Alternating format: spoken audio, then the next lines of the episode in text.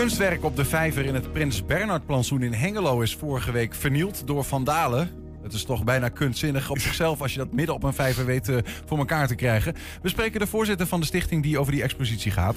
En we spreken actrice Toos Lichtenberg over de voorstelling De Lomo op die op 21 juni in Almelo in première gaat. Wout Brama en Maud Roetgering presenteerden afgelopen vrijdag hun eerste kinderboek. Wout en Maud, het geheim van de trainer. En we liepen mee met Spider-Man. Nee, niet Tom Holland of Tobey Maguire, maar de Enschedeze Ali. En we hebben een nieuwe in depot.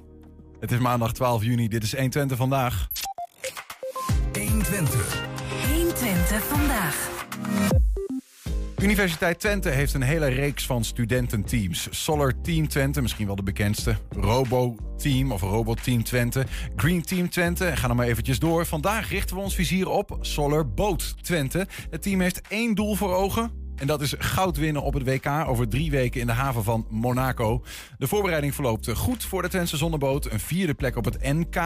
Werd afgelopen donderdag weggespoeld met een overwinning in Enkhuizen. In de studio is Catherine Bruinis, teamleider van Solarboot Twente. Catherine, goedemiddag. Goedemiddag, dankjewel dat ik hier mag zijn. Ja, leuk dat je er bent. We gaan het zo meteen hebben over eh, de race in Enkhuizen. Want we zijn benieuwd wat dat dan precies was. Um, en ook de hopelijke winst in uh, Monaco. Um, toch even goed voor mensen die dat niet weten. Wat is Solarboot Twente? Wij creëren een innovatieve zonneboot. Uh, dus we proberen heel veel duurzaamheid en innovatieve technieken te promoten mm -hmm. met ons kleine zonnebootje. Dus uh, we doen allemaal gave technieken, doen we erin samen met onze partners, gaan we die ontwikkelen. En dan hopen we zo de hele sector te inspireren voor duurzaamheid. Ja, precies. Maar dat is wat het, de term gewoon zegt. Het is een, een boot die vaart op zonne-energie. Ja, eigenlijk wel. Daar komt het op neer. Ja, Hoe lang zijn jullie daarmee bezig in een notendop met zo'n het bouwen, ontwikkelen van zo'n boot? In 2016 is het team opgericht. Er is begonnen. En wij zijn nu het zesde team, het zesde studententeam. En uh, daar doen we dan een jaartje over het hele bouwen. Deze boot zelf, de romp, die wordt al wel een aantal jaar gebruikt. Dus uh, die wordt elke keer weer gerecycled en dan uh, weer gebruikt. Ja, ja, en dan toch ben je nog een jaar bezig om te vernieuwen met een heel team fulltime? Fulltime. Het grootste gedeelte is fulltime. Er zitten een paar parttimers tussen, maar uh, voornamelijk fulltime. En dan allemaal uh, op elk vakgebied uh, zijn we dan een onderdeel helemaal aan het innoveren en nog beter maken, optimaliseren. Kijk, we gaan het er zo uitgebreid verder over hebben. Misschien goed om eerst even te kijken naar wat beelden. Afgelopen donderdag de race in Enkhuizen. Dat zag er ongeveer zo uit. Um, we zien hem hier uh, varen. Oh, let's go! Go, go, go, go, go! En hij vaart eigenlijk niet op, maar boven het water, hè, Catherine? Hij, ja, hij gaat net boven het water. Hij vliegt eigenlijk. Um, dat doen we met onze, we noemen ze draagvleugels. Die zitten eronder, er zitten drie stuks. Ja. En dan wordt er genoeg kracht ge gemaakt, ge gegenereerd door de, de, snelheid. En dan met de kracht van het water komt hij net een stukje eruit. En dan hebben we veel minder weerstand. Want we, we zien hem hier even vanuit de, de, de, de bestuurder van de boot. Gaat niet zacht. Nee, hier gaat hij uh, 25 km per uur, denk ik, ongeveer. Dus uh, dan uh, heeft hij toch redelijk wat snelheid erin. 25? 25, ja. Ja, is dat hard? Ik kan me niet, ik, een speedboot gaat natuurlijk een stuk harder. Gaat een stuk harder, ja. Maar, maar voor een soloboot is dat hard? Het, is wel, het gaat wel redelijk hard. Het gaat wel mee met de andere bootjes. Is dit Enkhuizen? Dit wat? is in Enkhuizen. Ik ben, wat daarachter ligt, dat... Denk het wel. Ik ben er een beetje vakantiegevoel ja, van, hè? Ik zit te denken, waar zijn we hier nou? Op de Cariben of zo? Dit is gewoon in Nederland. Wat doen wij hier nog in Enschede? ja, dit is toch mooi. Maar wat, wat was dit voor race? Want uh, donderdag Enkhuizen, anders dan het NK wat jullie in mei hadden, waar jullie vieren werden? Ja, het NK, daar hadden we verschillende onderdelen. En dat was dus, we hadden als eerste een duurrace en daarna nog een rondje Akrum en een, een sprintrace. En hier in Enkhuizen was het vooral uh, twee duurraces waren het. Dus mm -hmm. daar ging het heel erg op de efficiëntie en zo lang mogelijk kunnen varen. En dat is, uh, we hebben het allebei kunnen uitvaren, dus dat was heel mooi. In de eerste, zelfs in de eerste positie. Wat bedoel je met allebei? Uh, het waren twee dagdelen, dus of twee dagen zelfs. Op de oh ja. vrijdag hadden we dan de eerste duurrace. En dat was een rondje van 35 kilometer, een stukje. En de tweede was ongeveer 50 kilometer. En dan, dat was op de tweede dag. Ja. Dat hebben we allebei uit kunnen varen. En dan de eerste zijn we, de, die van 35 kilometer, die zijn we als eerste gefinished. En de tweede zijn we als tweede gefinished. En uiteindelijk zijn we zo eerste geworden in het algemeen klassement. Ja, ja. ja. Maar wat betekent het dan dat je uh, eerste finished als het een, als het een duurrace is? Gewoon wie, toch wie het snelst binnen is wel? Ja, toch wel. Ja, je, ja maar over een langere afstand? Op een langere afstand. Dus deze is dan uh, 35 kilometer. En dan uh, nee, wie er als snelst binnen is. En de andere was 51.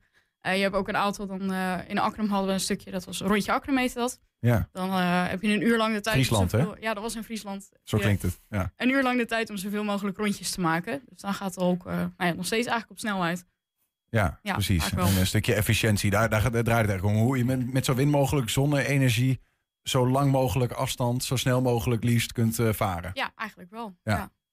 Ehm, wa- wa- wat zegt nou zo'n winst in Enkhuizen? Welke, welke teams doen daaraan mee? Wat zegt dat eh, even waar, in waar jullie staan in aanloop naar zo'n WK? En na toch die vierde plek op het NK. Ik wil het niet te veel benadrukken, maar kun je daar wat mee?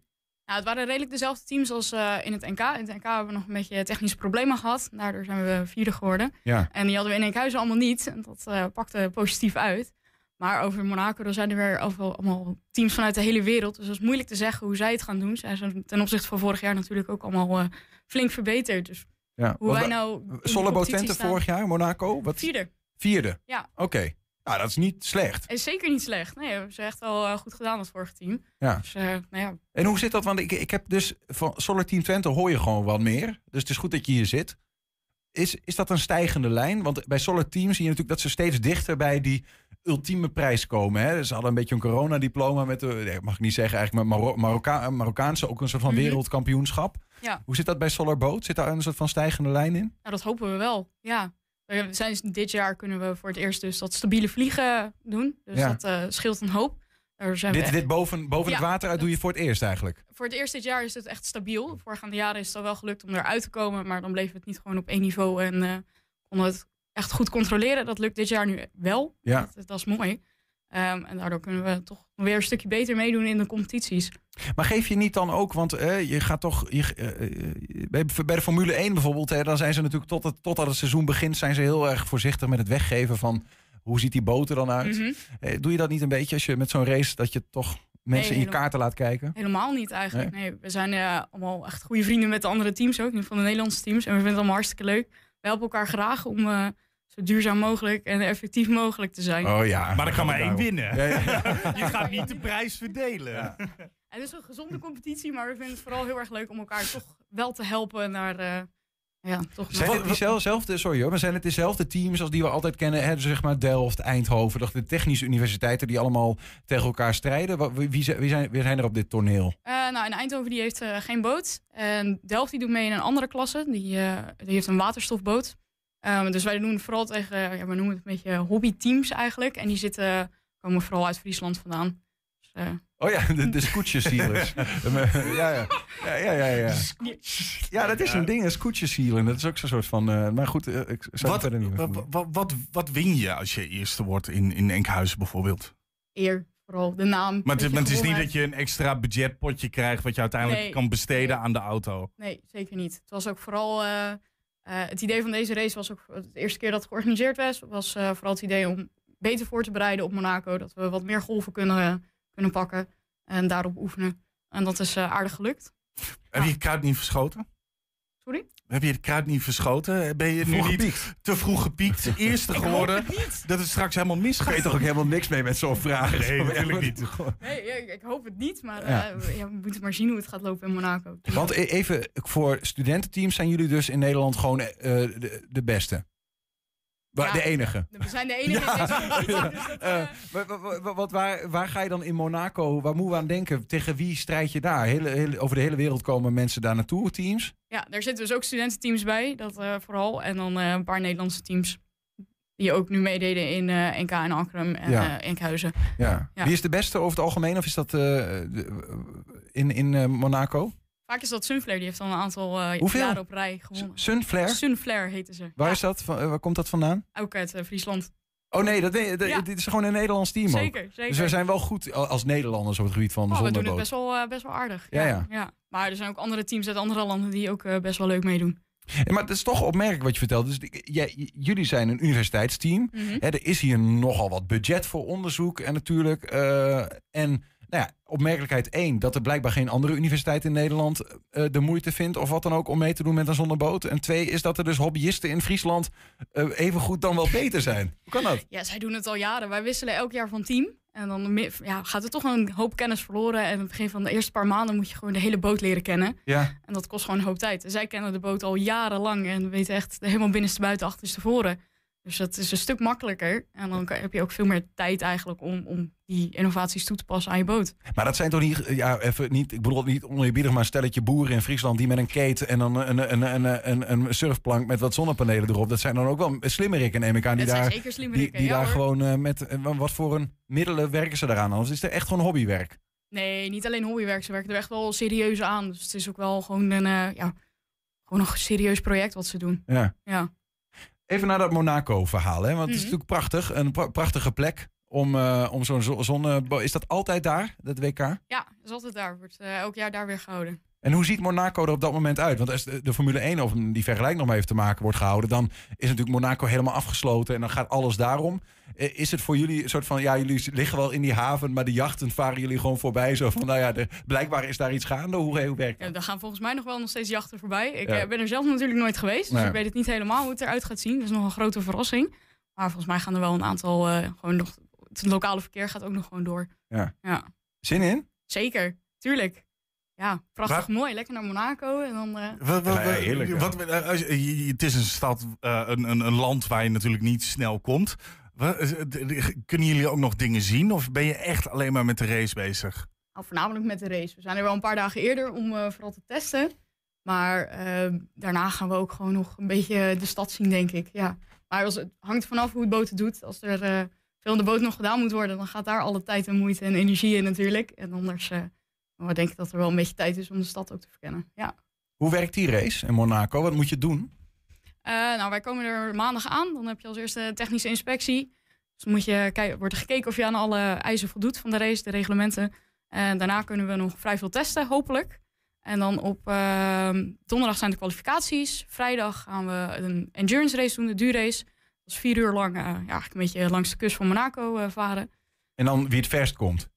Nou, ja, eigenlijk wel. Ja? Ja. ja, En dan eh, op zaterdag hebben we een matchrace. Een beetje een, een drag race-achtig, kan je het zo wat zien. Cool. Ja, heel gaaf. En een slalom. Dus dan kunnen we echt kijken of we ook eh, mooie bochtjes kunnen maken. Dus je boot moet verschillende disciplines doen. Zeker. Maar dat is anders dan bij de solar te- eh, teams, geloof ik. Hè? Waar, waar je een soort van één soort race hebt. En je, je hebt wel verschillende klasses. Maar die, dat, die racen niet tegen elkaar, om het zo maar te zeggen. Hier doe je dus alles. Hier doe je alles. Ja, er zijn ook nog steeds verschillende klasses. Maar dat is vooral het type boot die heel anders is. Ja. Maar de meeste hebben wel eh, allemaal verschillende categorieën waar je aan meedoet. Verschillende dingen worden getest in zo'n race. We lopen de hele tijd een eh, vergelijking te maken met het Solar Team. Mhm. Jullie zijn beide twee eh zonneteams van, eh, van de Universiteit Twente. In hoeverre kun je nog dingen met elkaar afwisselen qua informatie? Nou, best wel een hoop. We werken sinds dit jaar samen aan een motorcontroleproject. Dat doen we nu samen. Eh, het Solar Team heeft die een tijdje terug ontwikkeld. En nu gaan we hem samen, zijn we hem helemaal aan het optimaliseren, lichter maken, nog efficiënter. Of, eh, dus eh, die zijn we nu samen aan het doen. Eh, dus daar werken we heel veel in samen. Eh, we doen ook heel veel PR-dingetjes samen. Vinden we ook hartstikke leuk. En eh, dus dat soort dingetjes doen we. Waarom Ja. ben jij niet bij het solar team gegaan? Eh, nou, ik vond dit gewoon helemaal leuk. Ik vind boten leuk. En dan, is de keuze makkelijk gemaakt, toch? Geldt dat voor zo'n heel team? Wat zit, wat zit daar voor mensen in? Ja, allemaal wel bootliefhebbers. Voornamelijk bootliefhebbers zo. Ja. Ja, de- nee, goed. eh, ehm, Universiteit Twente, ja, we hebben een haven. En er was onlangs toevallig een havendag geweest. Maar er gebeurt natuurlijk niet heel veel aan recreatievaart. Ja, roeiverenigingen en zo. Maar zijn dat voornamelijk mensen die van buiten Enschede komen? Die eh, vanuit het watergebied eh, komen wat dat betreft, of niet? Ja, bij de ouders dan eh, vooral op, eh, heel veel eh, watersport gedaan. En ook wel gewoon nog steeds een hobby is. Ja. Hoe groot is het team? 21 mensen zijn we. 21. Ja. En die werken daar zo'n heel, eh, heel jaar aan. aan eh, je werkt natuurlijk vo- voort op wat er al vorige team ongeveer heeft achtergelaten, neem ik Ja, aan. ja, daar bouw je op, door natuurlijk. Wat zijn het afgelopen jaar eh, punten geweest? Ja, ik weet niet. eh, Is het, is, kun je ons eens meenemen in hoe dat werkt? En wanneer jullie dachten van, ja, d- het kan wel eens wat worden. Want als je deze race wint, Mhm. ja, dan kun je blijkbaar Monaco, ga ik maar zo vanuit, ook winnen van een van die Friese teams. Het zou kunnen, maar ik denk niet dat het eh, gaat lukken. We gaan er even vanuit. Wie weet, wie Ja. weet. Ehm, ja, nou, we zijn vooral begonnen in het jaar met eh, de conceptfase. Eh, dus allemaal ideetjes uitwerken en kijken of het een beetje past in de boot en of het echt eh, verbetering gaat brengen natuurlijk. En daar hebben we het oude team ook zeker in betrokken. Dus hebben we er toch al een jaar aan, gewerkt. Dus hebben we heel veel tips en tricks. En eh, dat moet je wel doen, dat moet je niet doen. En dan ga je al vrij snel dat concept nog verder uitwerken. En dan eh, produceren, testen. En dan ga je de races in eigenlijk. Mhm. Dat is een beetje hoe zo'n jaar in elkaar steekt. Ja, is een moment spannend geweest eh, in, de, in, in, in, die, in dat avontuur van afgelopen jaar? Of is dat gewoon draaiboekwerk? Nou, het valt eigenlijk allemaal wel mee. We hebben niet echt heel veel knelpunten gehad. Het liep allemaal wel vrij voorspoedig, gelukkig. Dus dat, eh, dat is mooi. Waarom denk je dat je, dat je, waarom denk je, dat je nou ja, er niet van uitgaat dat je wint in Monaco? Ehm, nou, wij kennen eigenlijk de hele golven daar niet. We zijn de Nederlandse golven gewend. Die zijn een stuk korter en kleiner. En eh, in Monaco heb je hele lange golven en deining. En, eh, dat, ons con- controlesysteem is daar nog niet op getest. We proberen natuurlijk wel daarop te optimaliseren nu. Daar zijn we druk mee bezig. Maar eh, we moeten kijken hoe dat gaat lopen. We- Ja. ja. Maar vorige teams kennen dat wel, toch? Kunnen die dat niet, die kennis niet overdragen of werkt dat niet zo op die, Die manier? hebben er niet gevlogen. Die hebben daar alleen maar Ah, gevaren. met Dus, die nieuwe eh, vorm. Ja. ja. ja, En die Friesen die zijn daar vorig jaar wel geweest, dus die weten al beter met hun boot wat ze mee moeten. Zeker. We moeten Ja. toch even een bezoek. Waar zitten die mensen? We moeten toch even een keer een, een, een heimelijk bezoekje plegen aan Friesland. Oh, wil ik best wel doen Ja. hoor. Als Groningen ben ik daar... eh, Ja. Mm, eh, eh, stel even, eh, om het gesprek enigszins af te ronden. Mm. We gaan er gewoon vanuit dat jullie winnen. 3 juli is het, hè? 3 tot 8 juli. Ja. 3 tot 8 juli, fingers crossed voor het Solar Boot Twente. Wat gebeurt er daarna? Ga je dan gewoon weer al in je eigen weg? Ja, gaan we allemaal weer studeren als het goed is. En Ja. dan hebben we een nieuw team. En die gaat dan weer het hele riedeltje rond, zeg maar. En wat, wat hou jij dan over aan zo'n jaar werken aan zo'n Solarboot? Eh, persoonlijke ontwikkeling. Ik doe zelf ook een technische studie. En nu ben ik eh, helemaal de communicatie ingegaan. Dus dat heb ik eigenlijk het hele vakgebied wel een redelijk kijkje op gekregen. En heel veel in geleerd. Ja, dus dat neem ik zeker mee. Ja, dus misschien zien we jou nog- qua communicatie nog wel terug bij een technisch... Weet. ja, Nou, je doet het in ieder geval kunnen. hartstikke goed hier aan tafel, Catherine Bruines. Dankjewel voor je komst en heel veel plezier voornamelijk, maar ook eh, gewoon succes. eh, 3 tot 8 juli in Monaco bij de ja, soort van wereldkampioenschap voor solar boats, laat ik het zo maar zeggen. Ja, dat is het wel. Zometeen een kunstwerk op de vijver in het Prins Bernhardsplantsoen in Hengelo is vorige week vernield door vandalen. We spreken de voorzitter van de stichting die over die expositie gaat. 120 vandaag. Ja, een jaar na de Special Olympics Nationale Spelen in Twente werd er zaterdag in Hengelo een grote sportdag gehouden voor mensen met een verstandelijke beperking. In een snikheet FBK-stadion waren allerlei Twentse verenigingen van de partij om bezoekers te laten zien en ervaren wat ze te bieden hebben.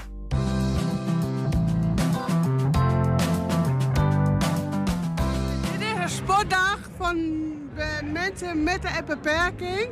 En wij eh, zitten hier met een sportdag. En we hebben hier allemaal eh, een ding gekregen. Zo'n eh, kaart. Daarachter. Het is heel warm. Tot 30 graden. En als afsluiting krijgen we een medaille. Het is hier gewoon geweldig. En ja, het is leuk. En het is gezellig. Muziek. De sfeer is goed.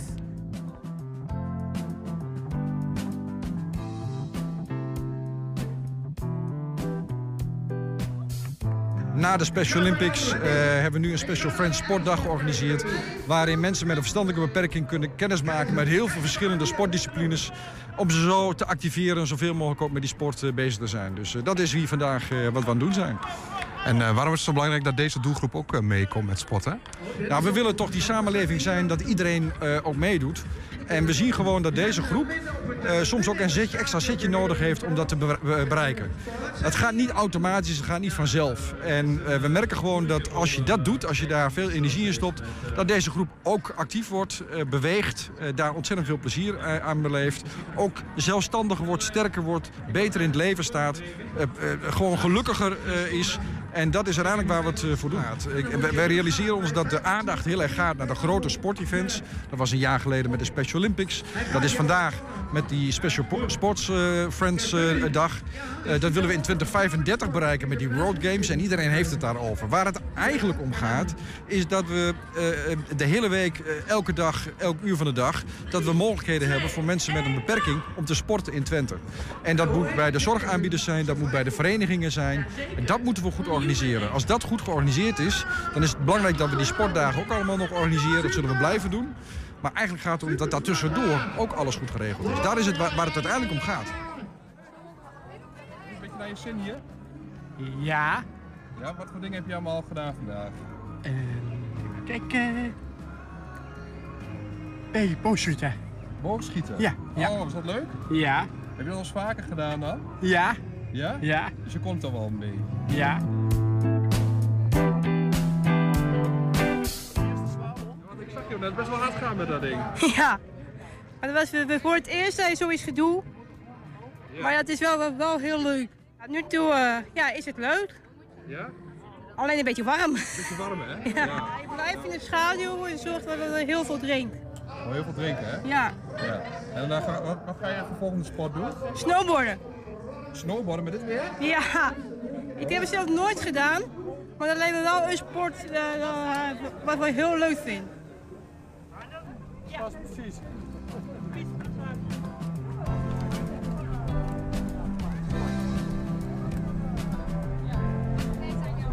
We zijn gevraagd om uh, aangepast wintersporten hier zo te kunnen laten deelnemen.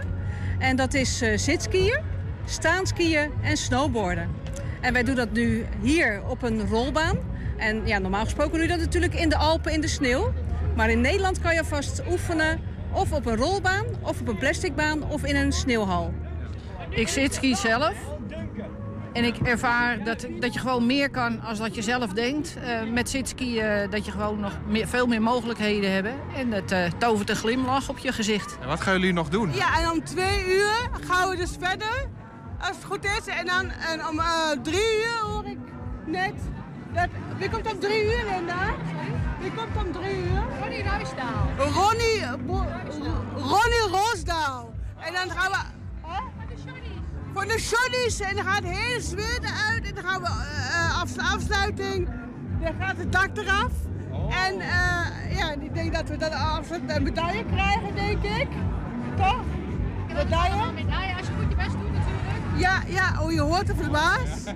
En ja, het is gewoon heel gezellig hier. Ja, ik ben die tappen. Ja. ja. Ah, hebben jullie wel goed je best gedaan zo?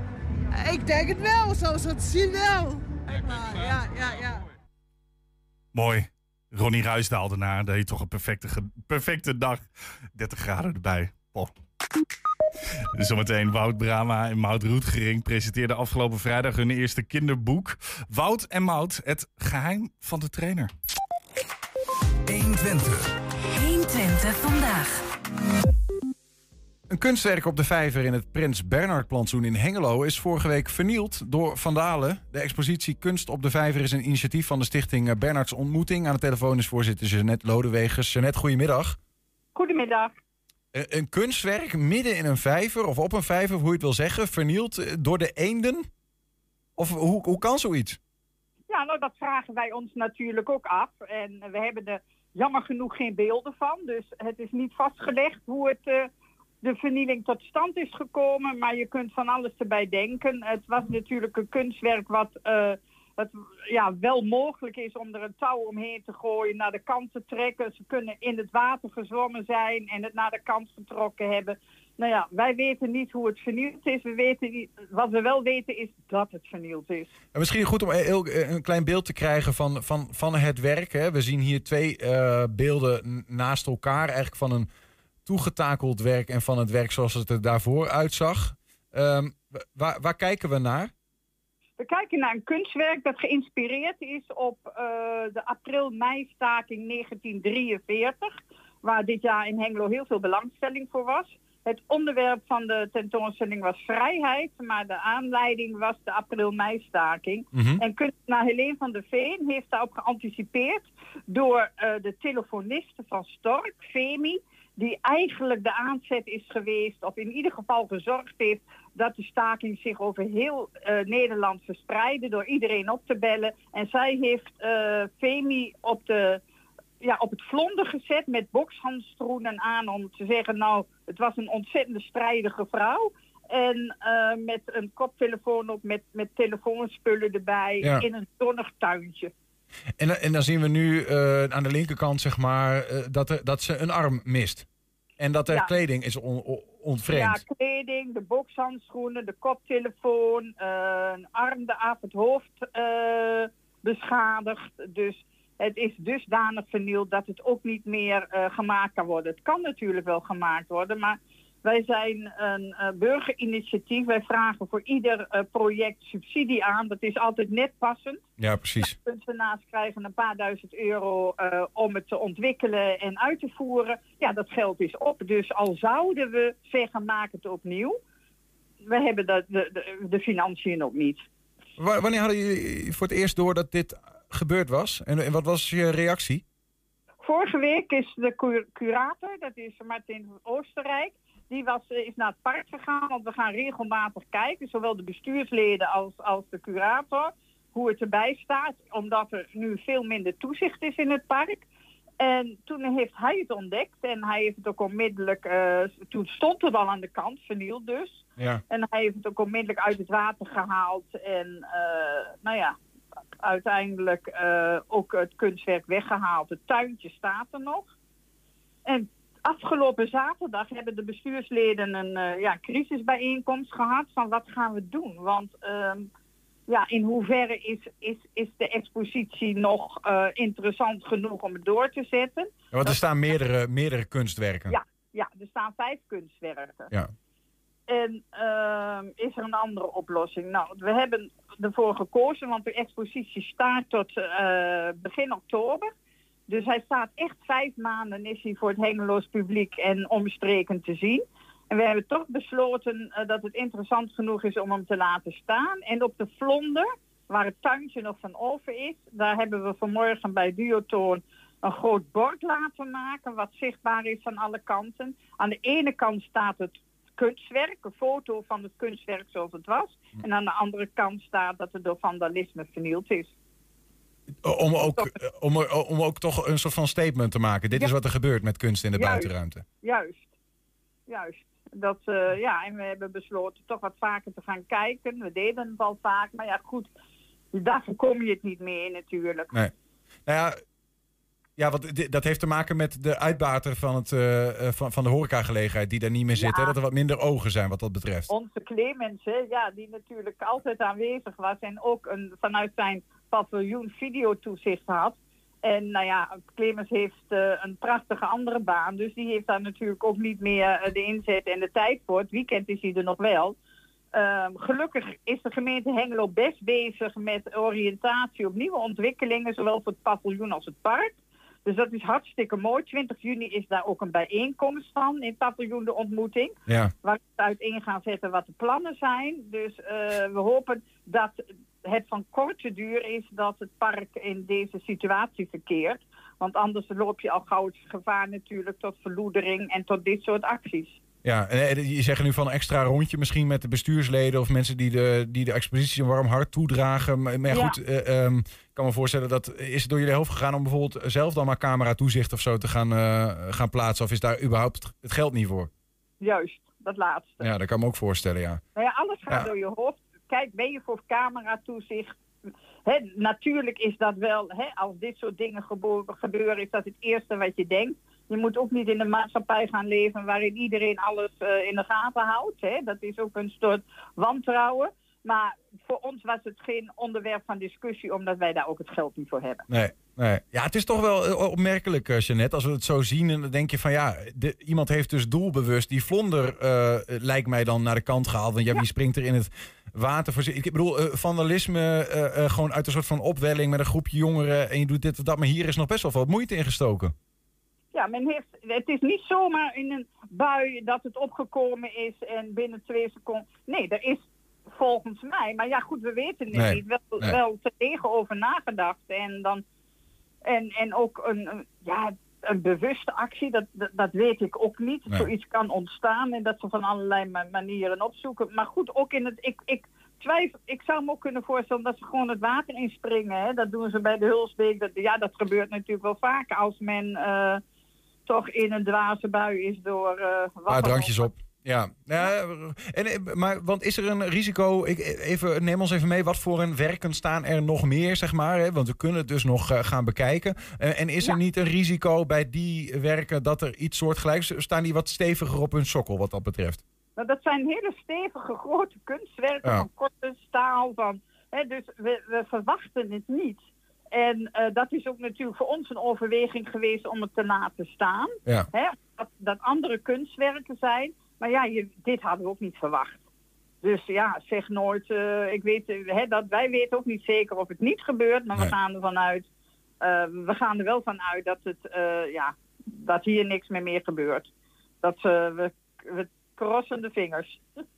Ja, goed. eh, ik kan me ook voorstellen dat, dat een, een, een het als een uitdaging kan zien. eh, maar ik, ik, ga, ik, ga er, niet- ik ga er niet van uit dat het gaat gebeuren. Tenminste, ik, ik vind het bizar eh, wat, wat ik hier al zie. Dus ja, dat is het ook. Dat is het ook. ik, ik, help jullie, ik help jullie hopen, Jeanette Lodewegers. Eh, dank eh, dat je even wilde, wilde vertellen. En nou ja, tot wanneer kunnen we de exposities nog zien? Ja, ik zou zeggen, gaat het allemaal zien. Prachtig park natuurlijk om heerlijk te ontspannen. En Dat is het. nog niet tot eind september. Tot eind september, kijk, eh, de expositie dus rondom het thema eh, vrijheid. Zometeen spreken we actrice Toos Lichtenberg over de voorstelling De Lomo...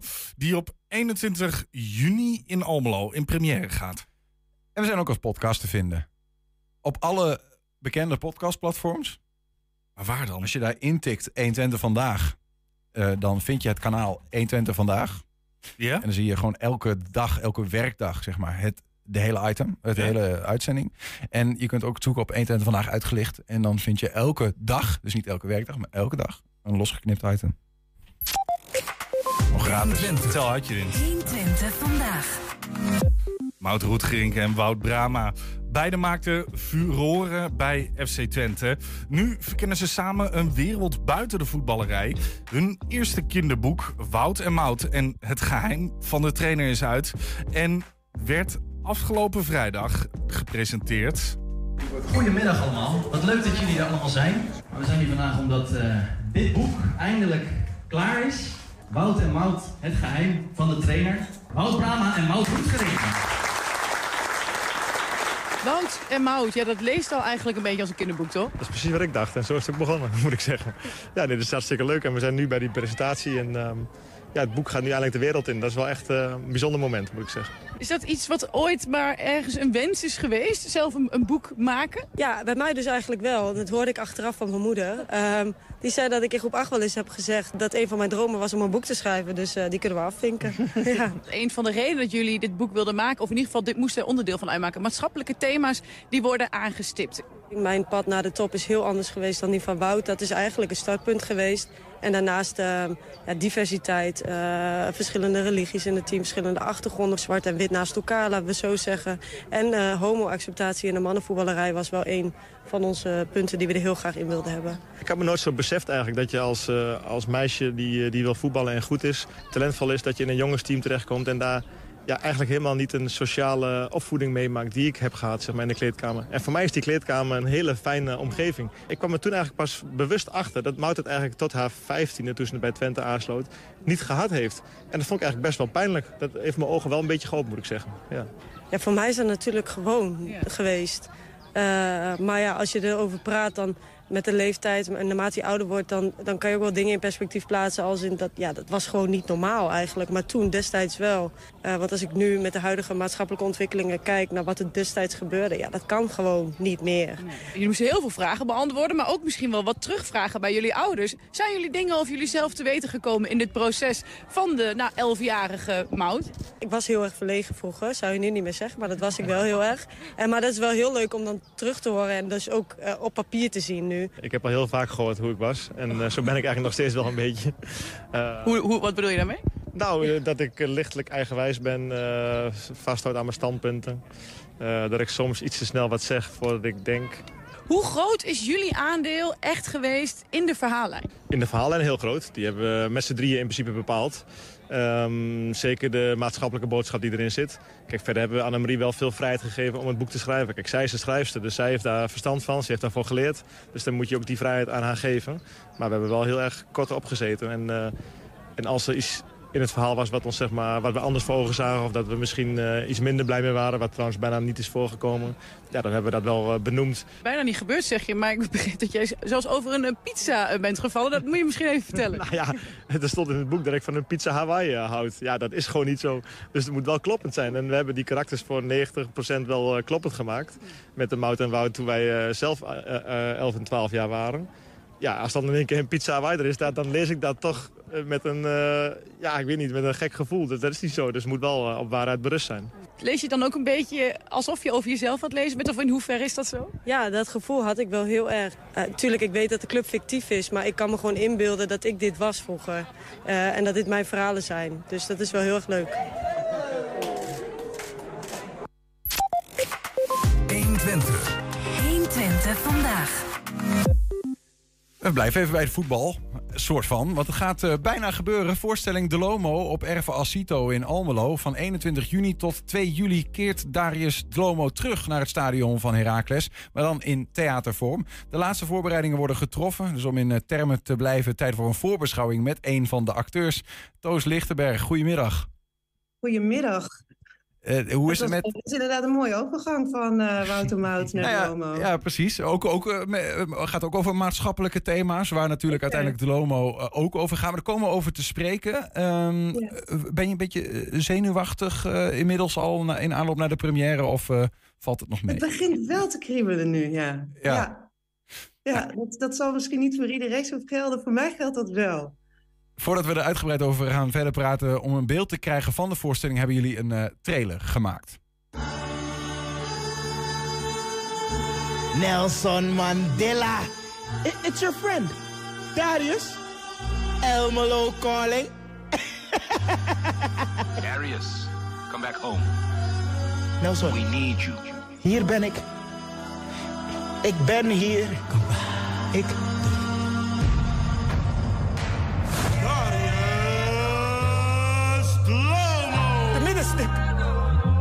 Waar is de middenstip? Dat is waar het begint. The man of many talents. Zonder middenstip geen begin. Voetballer, boxer, jazz. Sportsman of the year. Niemand wie hem. Er waren mensen, duizenden mensen. En er was muziek, en er was vuur, en er waren leeuwen. Je droomt. Van Darius de Lomo. De parel van Zuid-Afrika. Nice to meet you, de Lomo. Ik ben Tante K. En dit is Ome G. En haar prachtige ogen. En haar glimlach. Ik wilde tegen de hele wereld voetballen. Wit en zwart. Hey, hey, Nelson. Het sneeuwt hier. It's beautiful. Kom maar. Dit is mijn sneeuw. Kom maar. Dit is mijn toes. Ja, prachtig. Ziet er heel, heel veelbelovend uit. Uh, Toos Lichtenberg nog steeds via Zoom uh, bij ons. Um, is, het, is het zo um, in het theater zo mooi als dat wij hier op de beelden zien? Nou, uiteraard nog veel en veel mooier. Uh, dit is opgenomen in een studio. We hebben inderdaad prachtige beelden. Nee, de voorstelling wordt natuurlijk opgevoerd op de grasmat, op de kunstgrasmat van het Heraclesstadion. Ja. En um, ja, dan zie je alle beelden terug, maar op zo'n hele grote grasmat. En het is natuurlijk een enorm puzzel geweest. Maar ik kan je nu al wel vertellen dat dat, uh, dat, dat heel spectaculair gaat worden. Sowieso een bijzondere uh, gedachte natuurlijk om dat in een voetbalstadion uh, te doen. De plek waar Lomo zelf natuurlijk ook gevoetbald heeft. Neem ons even mee naar... Want zo'n trailer is natuurlijk omgeven door flarden van een verhaal. Maar dit, dit verhaal begint in Zuid-Afrika, hè? Het verhaal begint in Zuid-Afrika, waar inderdaad uh, uh, Steve McCone, die als eerste bij Heracles komt voetballen. Um, en op een gegeven moment uh, ook Daniel, of, Darius Lomo voorstelt. die wordt aangenomen en die gaat in 58, de, op dat moment was er nog de apartheid in Zuid-Afrika, voetballen bij Heracles. En Darius Dolomo was een man van many talents in Zuid-Afrika al. Hij was bokser, hij was zanger, hij was natuurlijk politiek activist. eh, ehm, lid van het ANC, streed daar ook heel hard voor apartheid. En kwam toen in Almelo terecht. eh, eh, waar hij naar eigen zeggen onthaald werd als een mens. Hij werd in zijn eigen land niet als mens gezien. En hier werd hij onthaald als mens. Dat was echt wennen voor hem. Ehm, nou, dat kun je ook in de, in de voorstelling terugzien. Ehm, hij is hier inderdaad gaan voetballen, gaan boksen. Eh, uiteindelijk is hij verliefd geworden op Geesje. eh, daarmee getrouwd. Eh, hij, is, hij heeft veel gedaan voor het jeugdwerk. Hij is in de gemeenteraad heeft hij gezeten. In Enschede is hij daarna terechtgekomen, toch? ja, en daarna in Enschede inderdaad. Ehm, en heeft hij eigenlijk zijn activiteiten vanuit Zuid-Afrika hier kunnen voortzetten. Ja. Hij is ook teruggegaan naar Zuid-Afrika, net als Steve McCone. Maar in tegenstelling tot hem is eh, Darius weer teruggekomen. Omdat hij zich toch het meest thuis voelde, toes, Ja. in Twente. Dat is een beetje die vraag die we horen stellen. Een soort van centrale vraag. Hè? Van eh, hoe voel je je thuis? Waar voel je je thuis? Ja, precies. Ja. Dat is ook echt de centrale, centrale vraag. Waar, waar voel je het meest thuis? Wat, wat, wat- wat is zijn band met Nelson Mandela? Want die zien we ook voorbij komen in die trailer. Ja, dat, hij was bevriend eh, met Nelson Mandela en eh, sprak hem ook. Eh, ehm, eh, Nelson nodigde hem weer uit om terug te komen tijdens het einde van de apartheid, toen dat gevierd werd. Dus het was echt een, een, een goede bekende Ja. van Nelson Mandela. Waarom eh, moet dit verhaal hè, van een voetballer die uit Zuid-Afrika komt, eh, in het apartheidsregime opgroeit, ehm, allerlei politieke nou ja, gedachten, ideeën heeft, man van veel talent hoor ik je al zeggen, veel dingen deed, in Nederland terechtkomt, in Almelo eh, en hier uiteindelijk ook terugkeert. Waarom moet dat verteld worden? Nou, juist nu in het kader van inclusie. Ehm, eh, het is ook een verhaal over thuiskomen. Hij heeft een beetje in de schaduw gestaan van Steve McCone. Die heeft vrij veel aandacht al gehad. Eh, maar dit is juist zo'n mooi verhaal, omdat het ook over eh, ehm, een, een thuiskomen gaat in een land waar je, waar, waar je helemaal niemand kent en toch opgenomen wordt. Eh, eh, door de bewoners hier. En eh, dat zijn natuurlijk, daar, kun je, de- daar zijn thema's uit te destilleren die op dit moment nog heel erg actueel zijn. Ja. Zoals inclusie, racisme, institutioneel racisme. En dat zijn allemaal dingen ehm, die we ook willen aanraken. We willen, we willen ehm, toch laten zien hoe dat toen was en hoe het nu is. Nou ja, als ik jou zo hoor, zat het, za- zat het in die tijd, zeker in Almelo, als eh, vanuit en misschien al, al helemaal in contrast met eh, Zuid-Afrika in die tijd, eh, maar was het be- best goed als het gaat om inclusie? Tenminste, voelde hij zich hier eh, heel erg thuis? Of zaten er ook wel schaduwkanten aan die kant, aan, de- aan het leven in Nederland? Zeker. Ehm, ik weet daar niet alles van. Ehm, je hoort, we hebben een podcast opgenomen, die, die is ook op de si- website te beluisteren. Daarin, eh, die begint eigenlijk met zijn stem, waarin hij vertelt hoe hij hier als mens eh, onthaald werd. Eh, maar je kunt je natuurlijk wel voorstellen, helemaal in die tijd nog, dat mensen toch vreemd opkeken van hem. En ook dat laten we, laten we zien in de voorstelling. Ehm, alleen in Nederland was er geen apartheid zoals hij dat kende eh, daar. Hè. Wij mochten eh, gemengd, hier mogen we gewoon gemengd naar het zwembad. We mogen, eh, hij, hoefde, zich niet, hij hoefde niet bang te zijn dat hij, als hij hier iemand voor de schenen schopte, dat dat ernstige represailles had. Ehm, dat was echt een verschil met Zuid-Afrika. Ja, ja. En toch was hij hier natuurlijk ook vreemd Ja. als zwarte man. Ja.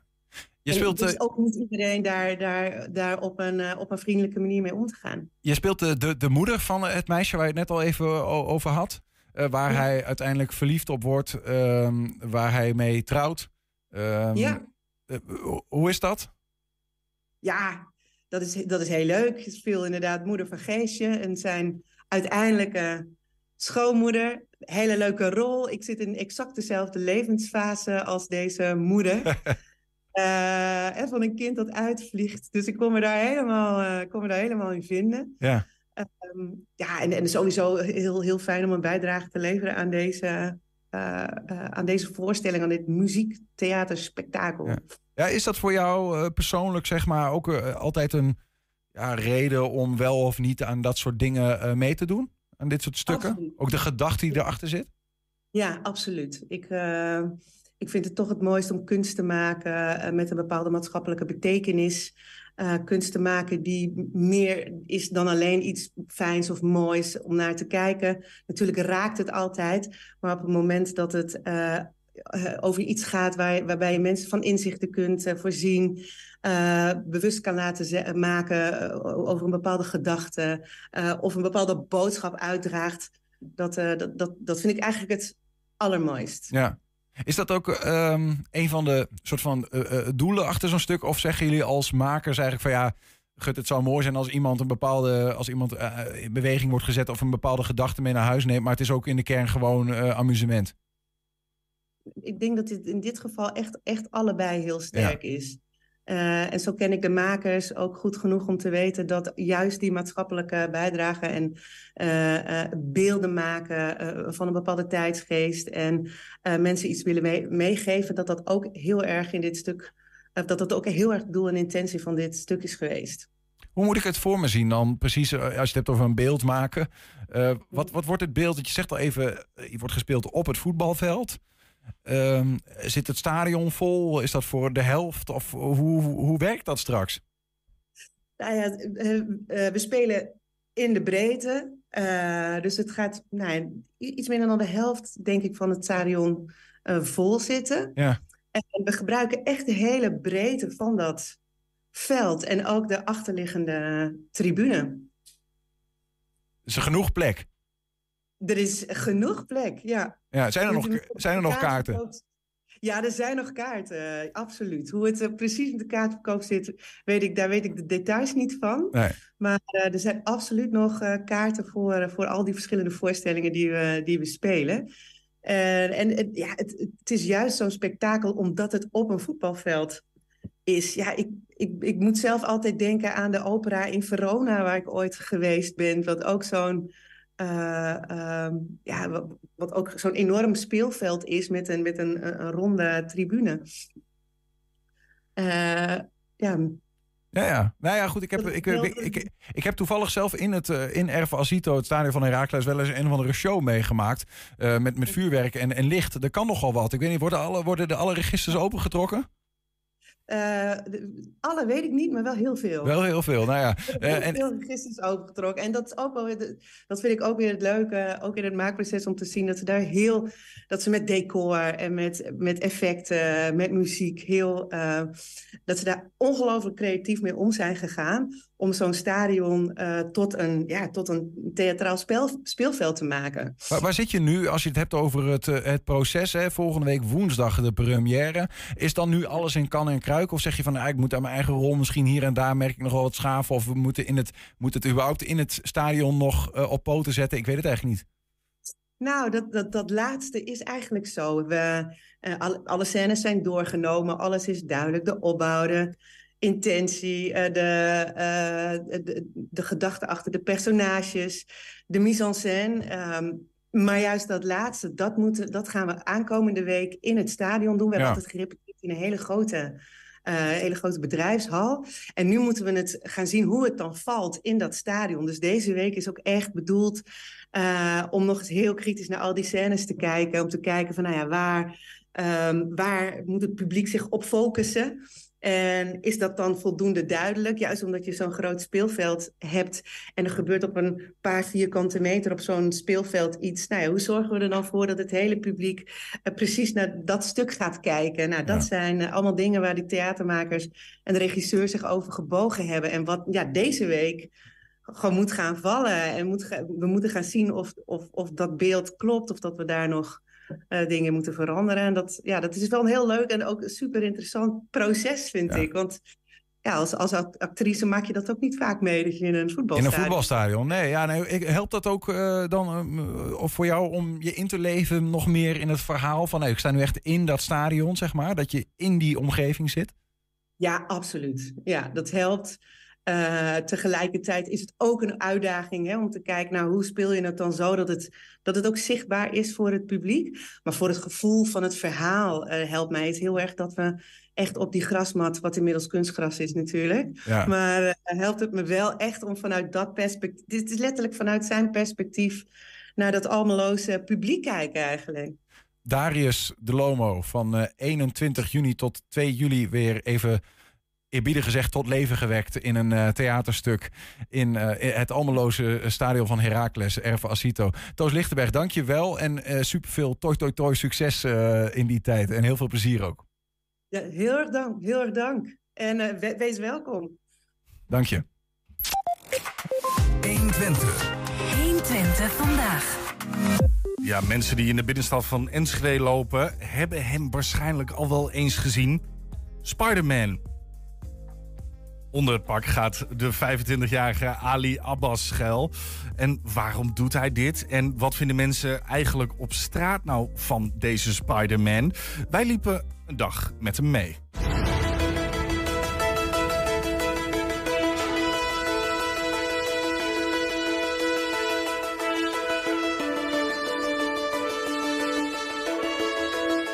Nou, het begon allemaal eh, ja, zo ongeveer een half jaar geleden. Ik, ik, eh, ik was al op TikTok, maar eh, waar ik nu eigenlijk onbekend op sta... dat ik gewoon naar buiten ga, met eigenlijk hoe ik er nu eruit zie. En eh, ja, ik, doe dat voor, vooral in Enschede. En mijn doel hier, oh, waarom ik dat eigenlijk doe...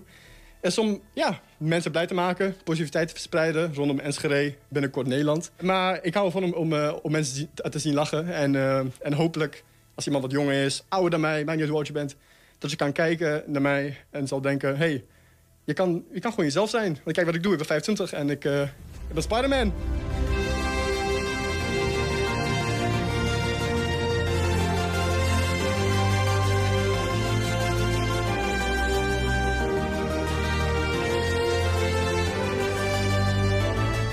Momenteel, ik doe wat ik doe, eh, wat ik het liefst wil. Eh, ik maak TikToks, ik hou ervan om te maken. Soms eh, vertel ik verhalen wat ik allemaal meemaak in mijn pak. Grappige verhalen. vaak zijn het grappige verhalen. Ik probeer niet zielige verhalen te vertellen, want ik wil gewoon mensen blij maken met mijn verhalen wat ik vertel. Wat ik meemaak, sommige... dat, dat, kinderen mij slaan, denken dat ik niet echt Spider-Man ben, la la la. Eh, maar ja, en af en toe maak ik ook gewoon video's buiten. Dat ik mijn, ja, mijn vriendin is mijn fotograaf cameravrouw, zeg maar. En eh, ze filmt mij hoe ik met kinderen omga en dit en dat. Dus het, gaat, ja, het onderwerp is eigenlijk wel Spider-Man, Marvel. En één keer in de zoveel tijd praat ik over iets buiten dat onderwerp. Eh, maar ja, het, is wel gewoon, het blijft altijd wel Marvel, laten we zo zeggen. Ehm, vroeger werd ik gepest. En, eh, en ja, gewoon, ik wil... ja, ik probeer mijn oude zelf trots te maken en te laten zien... hey, je kan altijd jezelf zijn. En voor de mensen die gepest worden... hey, gewoon... je overwint het. Ja, het is toch gaaf om dit te zien. Ben je hem al eens tegengekomen in de stad? Ja, ja, eh, de eerste keer dat ik hem zag, dacht ik, wat is dit voor een gozer? maar, en, en, maar ook, hij, hij ziet er goed uit, hè? Zeg Ja, maar even groot, hè? gespierd en zo. Dus, en ik dacht van, hé, wat is dit dan? Maar leuk om eens te zien wat het verhaal er eh, eigenlijk achter is.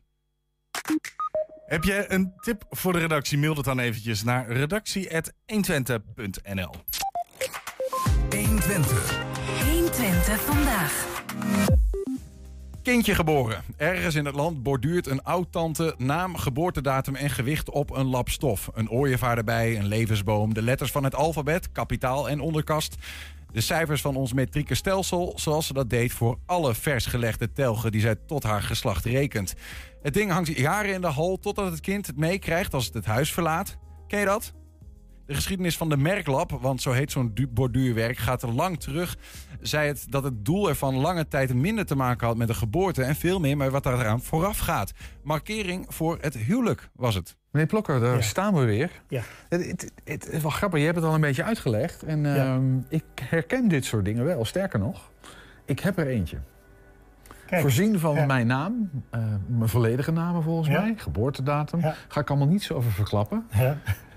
Ehm, maar dit zijn merklappen. Ja, dat is een verschijnsel wat inderdaad nog steeds is blijven bestaan. Het maken van dit soort merken. Het ik weet wel niet of van het, maar ik weet niet of het nog steeds bestaat. Het is hoor. wel van functie veranderd. Ja, ik. ik kom ze nou niet meer tegen. Maar eh, vertel, want dat is toch dit gaat ver terug, hè? Ja, dit gaat ver terug. Wat, je- wat je hier ziet, is, is de oudste merklap uit 1792. De oudste merklap die jullie in dit Die wij in de collectie hebben. Is het de oudste van Nederland? Dat Nee, je- nee, nee, is niet de oudste van Nederland. Maar Ja, 1792 maar ze- is een end terug. Dat is een heel eind terug en textiel is eh, heel slecht houdbaar. Dus ze- en ze zijn er niet veel, zo oud. Nee, dus het is best een heel uniek exemplaar. Ja, een, een heel oud eh, iets is het dus eigenlijk, dat men dit soort dingen maakte.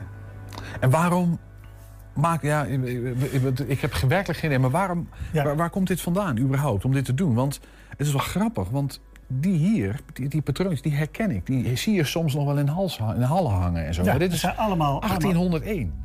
Allemaal, allemaal universele symbolen zijn het. Nou, je moet je voorstellen, eh, eh, wat moest je vroeger als vrouw kunnen?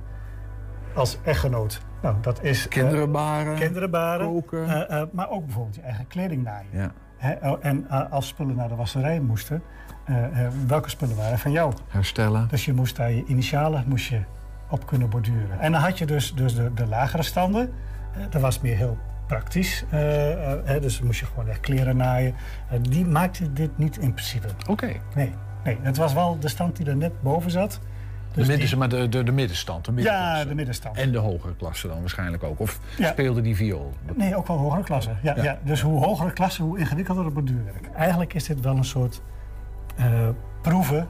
Hè? Want op een gegeven moment moest je als vrouw moest je aan, de, aan de man.